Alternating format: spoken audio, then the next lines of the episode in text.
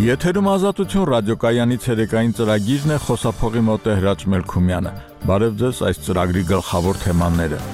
4 զոհ 1 վիրավոր ներքին հանդի դիրքերը ադրբեջանական կողմից գնդակոծելու հետևանքով։ Երևանը խստորեն դատապարտում է Բաքվի գործողությունները եւ կոչ անում վերադառնալ բանակցությունների։ Արտգործնախարարության կայքից անհետացել է Լեռնային Ղարաբաղի խնդրին նվիրված բաժինը։ Երևանի քաղաքապետարանը վերամշակում է տրանսպորտի սակագների բարձրացման փաթեթը։ ԱՄՆ-ում նախագահական ընտրապայքարի մեջ մտած Դոնալդ Թրամփի վերջին հայտարարությունները մտահոգություններ են առաջացրել Եվրոպայում։ Կլսեք ուշագրավայլ հաղորդումներ, մեկնաբանություններ, իսկ հիմա Արմեն Քոլոյանը ներկայացնում է օրվա հրատապ լուրերը։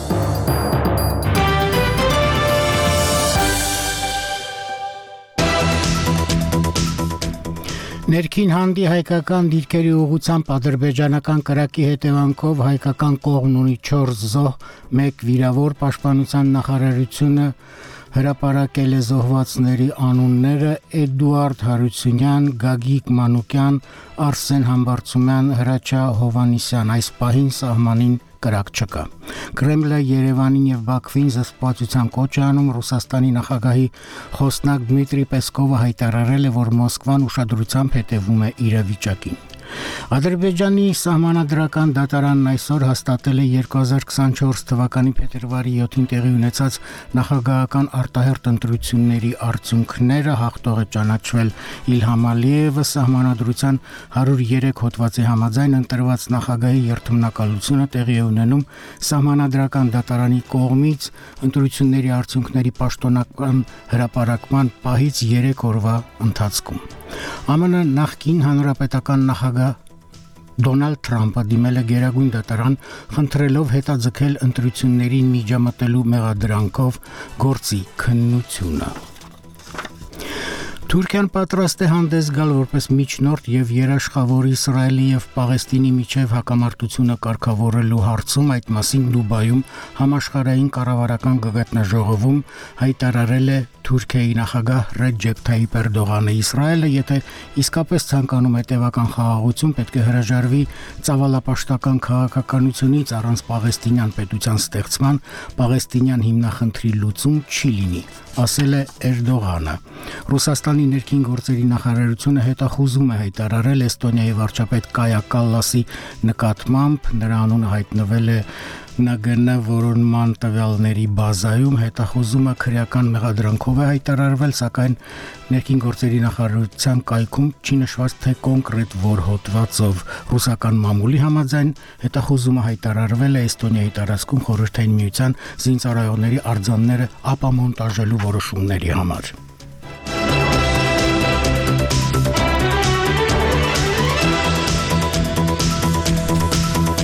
Շնորհակալություն Արմեն, շարունակում եմ ծրագիրի եթերում ազատությունն է։ Այսօր վաղ առավոտյան ադրբեջանական կողմը կրակ է բացել Սյունիքի մարզի ներքին հանդի դիրքի ուղությամբ, որի հետևանքով հայկական կողմը 4 զոհ, 1 վիրավոր ունի, վերջին տեղեկություններով նրանք ԵԿՄ անդամներ են, Ավելի վաղ Ադրբեջանը հայտարարել էր, թե հայկական կողմից Զանգելանի ուղությամբ արձակված կրակոցներից մեկ սահմանապահ է վիրավորվել եւ իրենց կողմից գնդակոծությունը ներկայացնում որպես պատասխան գործողություն։ Հայաստանի արտգործնախարարությունը հաղորդագրություն է տարածել, ուր նշված է, որ չնայած հայկական կողմը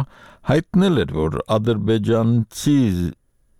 սահմանապահի վիրավորվելու մասին տեղեկությունները հետաքննվում են, ադրբեջանական կողմը փետրվարի 13-ին ագրեսիվ գործողություն է իրականացրել, ինչը ի ցույց է դնում, որ սահմանային էսկալացիաներ ծավալելու համար Ադրբեջանը պատրվակներ է փնտրում։ Խստորեն դատապարտում ենք ռազմական սադրանքների դիմելու ադրբեջանական այս գործողությունները, կոչ են կանում զերծ մնալ իրավիճակը ապակայունացնող քայլերից եւ վերադառնալ բանակցությունների Եվս մեկ անգամ վերահաստատում ենք հայկական կողմի նախորդիվ հնչեցրած առաջարկները իրականացնելու սահմանային անվտանգության բարձրացմանը ուղղված հուսալի միջոցառումներ, հայտարարել է Հայաստանի արտգործնախարարությունը։ Սահմանային միջադեպի մանրամասների մասին լսենք Արտակ Խուլյանի հաղորդումը։ Սյունիքի ներքին հանդի հայկական դիրքերի ուղությամբ Ադրբեջանի զինուժի կրակի հետևանքով հայկական կողմը 4 զոհ, 1 վիրավոր ունի։ Ռազմական գերատեսչության փոխանցմամբ վիրավորի վիճակը միջին ծանրության է։ Այս պահին նրա կյանքին վտանգ չի սպառնում։ Պաշտպանության նախարարությունը վաղ առավոտյան տեղեկացրեց հարձակման մասին, ապա հայտնեցին, որ հայկական դիրքերի ուղությամբ ադրբեջանական զինուժի կրակը 9:30-ի դրությամբ դադարել է։ Մոտ 100 բնակիչ ունեցող ներքին հանդի վարչական շրջանի ղեկավար Խաչատուր Բաղդասարյանը քիչ առաջ ազատությանը տեղեկացրեց նշեց. Գյուղում իրավիճակը արդեն նորմալ է, այլ մանրամասներ չհայտնեց։ Առավոտյան համայնքապետը հայտնել էր, որ ներքին հանդում լարված է, կրակոցները գյուղում լսել են։ Պարոն Բաղդասարյան, ներքին հանդում լսելի են կրակոցները։ Դե պոստը գյուղի կտպած ոնց կարող է Իսկ ինտենսիվ են կրակոցները։ Ժամը 3-ից մինչև ժամը 6-ից այդպես ինտենսիվ չէ, բայց հաճախականությունը պահում են, էլի։ Պաշտպանության նախարարությունն այսօր ավելի ուշ հայտնեց զոհված զինվորականների անուններն ու տարիքը։ Զոհվածներն են 50-ամյա Էդուարդ Հարությունյանը, 42-ամյա Գագիկ Մանուկյանը, 45-ամյա Արսեն Համբարձումյանն ու 67-ամյա Հրաչյա Հովանիսյանը։ Ազգային ժողովի պաշտպանության հանձնաժողովի նախագահ Անդրանիկ Քոչարյանը ազատությանը հայտնել էր, որ զոհվածներն ու մեկ վիրավորը երկրապահ կամավորական միության կամավորներ են։ Բաքուն հաստատել է ներքին հանդի դիրքերը թիրախավորելու հանգամանքը։ Ավելին հաղորդել, թե փետրվարի 13-ին Ադրբեջանի պետ հայկական սահմանային ծառայության ստորաբաժանումները ադրբեջանական կողմի ձևակերպումն է։ Ի պատասխան հայկական զինված ուժերի երեկվա սադրանքի իրականացրել են հատուցման գործողություն։ Ադրբեջան-Հայաստան պայմանական պետական սահմանին օպերատիվ իրավիճակը սրելուն ուղղված հայկական կողմի յուրաքանչյուր սադրանքին այսուհետև կտրվի ավելի լուրջ եւ վճռական պատասխան հայտարարել է Ադրբեջանի սահմանապահ ծառայությունը։ Ադրբեջանական կողմը երեք հաղորդել էր Զանգելանի շրջանի դիրքերի ուղությամբ Հայաստանի զինուժի կրակից ադրբեջանցի սահմանապահի վիրավորման մասին։ Ադրբեջանական կողմը նաև տեսանյութ էր տարածել, որում իբր հայկական դիպուկահարն է երևում։ Հայկական կողմն ավելի ուշ հայտարարեց, թե քննում է միջադեպը։ Բաքուն այսօր նաև պնդեց, թե հայկական կողմը երեք Տավուշի մարզի Չինարի բնակավայրի դիրքերից կրակ է բացել ադրբեջանական դիրքերի ուղությամբ։ Հայաստանի պաշտպանության նախարարությունը հերքում է այս տեղեկությունը ողջունեմ։ Ազգային ժողովի պաշտպանության անվտանգության հարցերով հանձնաժողովի ղեկավար Անդրանիկ Քոչարյանը մեր թղթակցին ասել է, որ ներքին հանդում կամավորները դիրքապահ ծառայություն են իրականացրել, ինչ որ իրավիճակում տեղի են ունեցել կրակոցներ։ Նրա հետ խոսել է Ռուզաննա Ստեփանյանը, լսենք հաղորդումը։ Ներքին հանդի հայկական դիրքերի ուղությամբ ադրբեջանական կրակի հետևանքով զոհված 4 անձինք եւ 1 վիրավորը երկրապահ կամավորական միության անդամներ են։ Այդ դիրքերում ըստ խորհրդանի պաշտպանության հանձնաժողովի նախագահ Անդրանիկ Քոչարյանի ժամկետային զինծառայողներ չկան։ Ունենք 4 զոհ, 1 վիրավոր։ Վիճակը սպահին կայունը, դիանիկները պետք է հանվեն, Մի մասը հանված է, մի մասը կհանվեն։ Ոչ մի զորակոչային տարիքի զինվոր զոհված չի, վիրավորված չի։ Մեր կամավորականներն են ինչի հետևանքով երեք լարվեց իրավիճակը ներքին հանդում։ Անդրանիկ Քոչարյանն ասում է, որ ծառայողական քննությունն առաջիկայում կպարզի։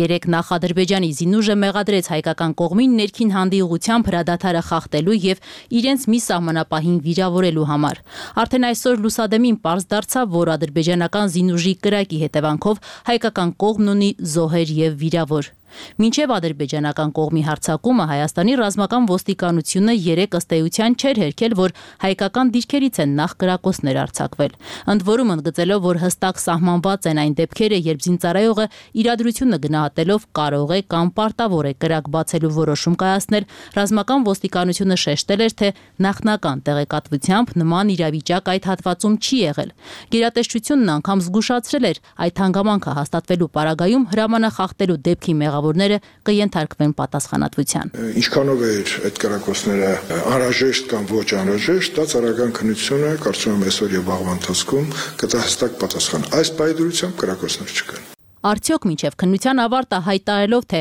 հայկական կողմից կրակ արձակելու համար անհրաժեշտ իրադրություն չի եղել, հիմքեր չեն ստեղծվել Ադրբեջանի համար անցնելու հարցակման։ Ոչ, եղել են կրակոցներ ռազմական ոստիկանության հայտարարությունը հստակ տողատակերով նույնիսկ տալիս է բացատրություն, որը ցարական քննությունը կամ կհաստատի կամ կերկի։ Նույնը պետք է անի նաև Ադրբեջանը։ Նաև ես գիտեմ, որ ադրբեջանական կողմը դիմել է եվրոպական դիտորդական առաքելությանը, որ նայեք, այսպիսի բաներ կան։ Ես կարծում եմ, եթե դիտորդական առաքելությունը որևէ արձանագրում ունի, դա էլ շատ օգտակար կլինի երկու կողմերի համար հստակ ցարական քննություն անցկացնելու համար եւ կարծում եմ մեղավորները պետք է պատժվեն։ Չի կարելի զոհեր տալ այնտեղ, որտեղ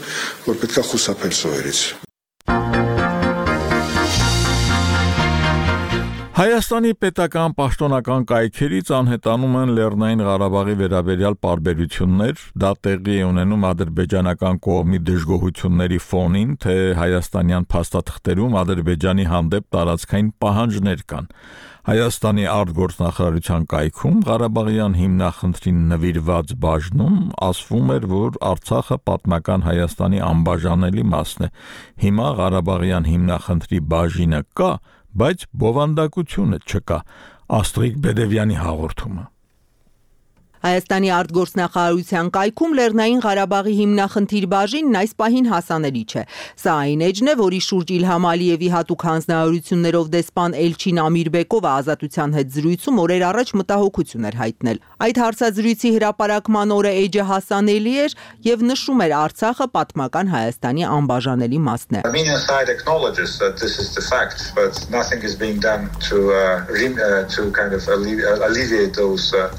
facts Հայկական կողմն ընդունում է, որ սա է իրականությունը, բայց ոչինչ չի արվում այդ փաստերը մեղմելու համար։ Արտգործնախարարությունից հետաքրքրվեցին արդյոք Ադրբեջանի այս մտահոգությունն է կայքի անհասանելիության պատճառը։ Խոսնականի Բադալյանը փոխանցեց. Լեռնային Ղարաբաղի հակամարտության վերաբերյալ բաժինը արտգործնախարարության կայքեջից չի հեռացվել։ Բաժինն իսկապես կա, բայց դրա բովանդակությունը հասանելի չէ։ Ազատությունը խնդրել էր նաև պարզաբանել։ Հնարավոր է ադրբեջանական կողմի համար խնդրահարույց Արցախը պատմական Հայաստանի անբաժանելի մասն է ձևակերպումը համբի։ Հարցն ըստ էության անպատասխան թողնելով արտգործնախարարության խոսնակը միայն արձագանքել է մեջբերեմ բովանդակությունն արտացոլված կլինի պատշաճ ժամկետներում։ Այս դեպքում էլ առանց հստակեցնելու ինչ ժամանակահատվածի մասին է խոսքը հորդորել էր կրկին մեջբերեմ տեղեկատվական Լեռնական դաշտում զերծ մնալ թեմայի անհարկի շահարկումներից։ Այս նույն ընթացքում Ադրբեջանի արտգործնախարարության կայքը շարունակում է պնդել.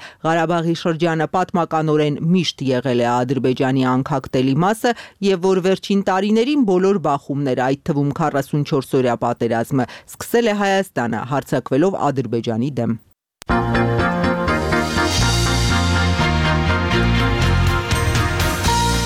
Երևանի ավականուն շարունակում է քննարկել տրանսպորտի սակագնի հարցը։ Ավելի վաղ ներկայացված առաջարկների քննարկումը հետաձգվել էր, բայց օրակարգից չէր հանվել։ Հիմա նախատեսվում է որոշ փոփոխություններ կատարել, մասնավորապես վերացնեն նախկին առաջարկի սահմանափակումը, այսինքն եթե մարդը 1 տարվա մշտական տոմս ունի, այդ ընթացքում կարող է որքան ցանկանա օգտվել տրանսպորտից, այլ ոչ թե ինչ որ սահմանափակությամբ թեկուս 1000 անգամ։ Տրանսպորտից օգտվելու դետալները լրամշակվում են, որ նորմալ տրանսպորտ ունենան, բայց սակագինը պետք է փոխվի, դա արդեն միանշանակ է։ Քաղաքապետարանի քննարկումներից հերրախոսով հաղորդում է Նարինե Ղալեչյանը։ Երևանի ավականու այսօրվա նիստում օրակարգից չհանվեց տրանսպորտի հարցը թանկացման, որպեսզի այն քննարկվի բայց քվեարկություն չի լինի, որովհետև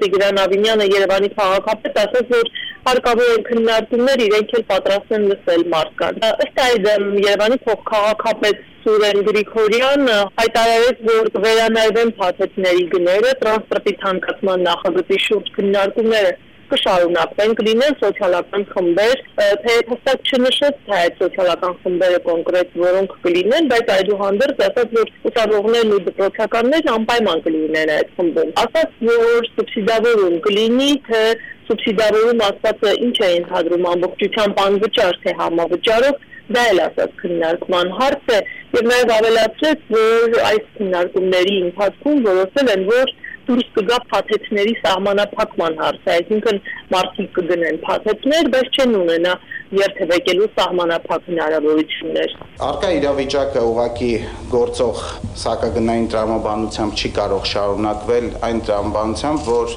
մենք գործող շարժակազմը, որը կար, փոփոխել ենք ոչ միայն համայնքային միջոցներով եւ այսօր էլ էական չափով սուբսիդավորվում է այս ոլորտը համայնքային բյուջեից։ Մայր Հայաստան խմբակցության ընդդիմադիր ավականու անդամ Մեծրոպ Մանուկյանն ասաց, որ այո, ինքն էլ է կարծում, որ 100 դրամով հնարավոր չէ այդ շարժակազմն ապահովել եւ որ այո պետք է ցանկանա, բայց այդ ցանկացած գումարը տարբերությունը չպետք է քաղաքացին վճարի։ Դասը խնդիրը որ կա, որ ասում եմ այդ գումարը որտեղից է բերել։ Կարմիր գծերի հետ կապված խնդիրներով է 2 միլիարդ դրամ էլ տեղից է հավաքվելու։ Ես կարմիր գծերի վերաբերյալ ես ասել եմ, մենք քննարկել ենք դեկտեմբեր ամսին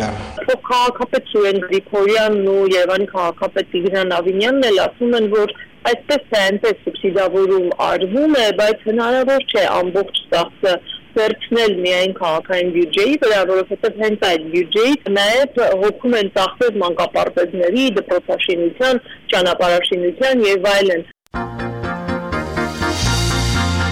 ԱՄՆ-ի նախագահական ընտրապայքարի մեջ մտած նախկին նախագահ Դոնալդ Թրամփի վերջին հայտարարությունները բավականին մտահոգություններ, անհանգստություններ են առաջացրել Եվրոպայում։ Գևորգ Ստամբոլցյանի հաղորդումը Վաշինգտոնի եվրոպացի դաշնակիցներն արդեն երրորդ օրն է, ինչ քննադատում են Միացյալ Նահանգների նախկին նախագահ Դոնալդ Թրամփի աղմկահարույց հայտարարությունը, որի համաձայն ՆԱՏՕ-ի այն անդամները, որոնք խուսափեն ռազմական ծախսերի ավելացումից, չհասցնելով դրանք համախառն ներքին արդյունքի 2%-ին, կարող են Ռուսաստանի հետ հնարավոր հակամարտության ընթացքում միայնակ մնալ։ Իմ նախագահության ընթացքում ես հանդես եկա ելույթով եւ ասացի դուք պետք է վճարեք։ Դաշինքի անդամ խոշոր պետություններից մեկի նախագահը սրանի պատասխան հարց ուղղեց ինձ։ Իսկ եթե մենք չվճարենք, բայց հետագայում ենթարկվենք Ռուսաստանի հարձակմանը, դուք մեզ կպաշտպանեք։ Ես պատասխանեցի ոչ, ես չեմ պաշտպանի ձեզ, ավելին ես կխրախուսեմ նրանց, որ անեն այն ամենն, ինչ ցանկանում են հարավային Կարոլինայում ունեցած նախընտրական ելույթում հայտարարում էր Թրամփը։ I would encourage them to do whatever the hell they want. You got to pay. You got to pay your bills. Առաջինն այս հայտարարությանն արձագանքեցին Միացյալ Նահանգների գործող նախագահ Ջոզեֆ Բայդենի վարչակազմից։ Մարդասպան վարչակազմերի կողմից մեր մերձավորագույն դաշնակիցների դեմ հարձակումների խրախուսումը սարսափելի է եւ խելահեղ, նշված էր Սպիտակ տան հայտարարության մեջ։ Պակաս կոշտ չէր նաեւ Միացյալ Նահանգների եվրոպացի դաշնակիցների արձագանքը Գերմանիայի դաշնային կանցլեր Օլաֆ Շոլցը Թրամփի հայտարարություններին անդրադարձավ երկուշաբթի երեկոյան Բերլինում Լեհաստանի վարչապետի հետ համատեղ ասուլիսի ժամանակ։ Das Schutzversprechen der NATO gilt uneingeschränkt։ ՆԱՏՕ-ի անդամների փոխադարձ պաշտպանության խոստումը որևէ սահմանափակման չի ենթարկվում։ Այստեղ գործում է բոլորը մեկի եւ մեկը բոլորի համար սկզբունքը։ Հյուսիսատլանտյան դաշինքի աջակցության երաշխիքներն այս կամ այն գործոնով պայմանավորելը անպատասխանատու եւ վտանգավոր քայլ է, որը բխում է բացառապես Ռուսաստանի շահերից հայտարարում էր Շոլցը։ Und ist einzig und allein im Sinne Russlands։ ԱՄՆ-ի, Իսրայելի, Եգիպտոսի, Քաթարի ներկայացուցիչները հանդիպում են Կահիրեում փորձելով հասնել հրադադարի հաստատման Գազայի հատվածում, բայց իրավիճակը ավելի սրվեց, երբ Իսրայելը անտեսելով դաշնակիցների հորդորները ռազմական գործողություն սկսեց Գազայի հարավում։ Լուսինե Մուսալյանի հաղորդումը Ջո Բայդենը Գազայի հատվածում 6 շաբաթյա հրադադարի պլան է խոստանում. Միացյալ Նահանգների նախագահի խոսքով Վաշինգտոնը բանակցություններ է վարում նոր գործարքի շուրջ ըստ Սպիտակ տան ղեկավարի Գազայի հատվածում Իսրայելի բանակի եւ Արևմուտքի կողմից ահաբեկչական կազմակերպություն ճանաչված Համասի միջև ռազմական գործողությունների երկամսյա դադարը թույլ կտա ազատ արձակել գերիներին եւ ավելի շատ հումանիտար բեռներ հասցնել պատերազմական գոտի We're actively working for peace, security and dignity for both the Palestinians. Մենք ակտիվ աշխատում ենք թե պաղեստինյան, թե իսրայելցի ժողովուրդների խաղաղության, անվտանգության եւ արժանապատվության համար հայտարարել է Ջո Բայդենը Հորդանանի թագավոր Աբդալա II-ի հետ Սպիտակ տանը կայացած բանակցությունների ավարտին։ Միացյալ Նահանգների նախագահը, որը վերջին շրջանում կոշտ քննադատություն է հնչեցնում Իսրայելի իշխանությունների հասցեին հայտարարելով նաեւ, որ իսրայելական բանակի պատասխանը Համասի հոգ հոկտեմբերի 7-ի հարձակմանն անհամաչափ էր, երեք հույսեր հայտնում, որ 6 շաբաթյա հրադադարը առաջին քայլը կլինի տարածաշրջանում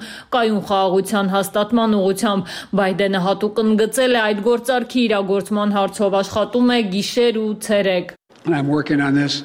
day and night. Մինչդեռ այդ նույն րոպեներին Վաշինգտոնի մերձավոր դաշնակից Իսրայելը Գազայի հատվածում մի նոր ռազմական գործողություններ նախաձեռնել այս անգամ Ռաֆահ քաղաքում։ Եգիպտոսին սահմանակից այս բնակավայրում են ապաստանել շուրջ 1.5 միլիոն պաղեստինցիներ, ովքեր իսրայելական ռմբակոծությունների հետևանքով ստիպված լքել են իրենց տները, երեք փաստացի կրկին հայտնվելով օթային հարվածների թիրախում։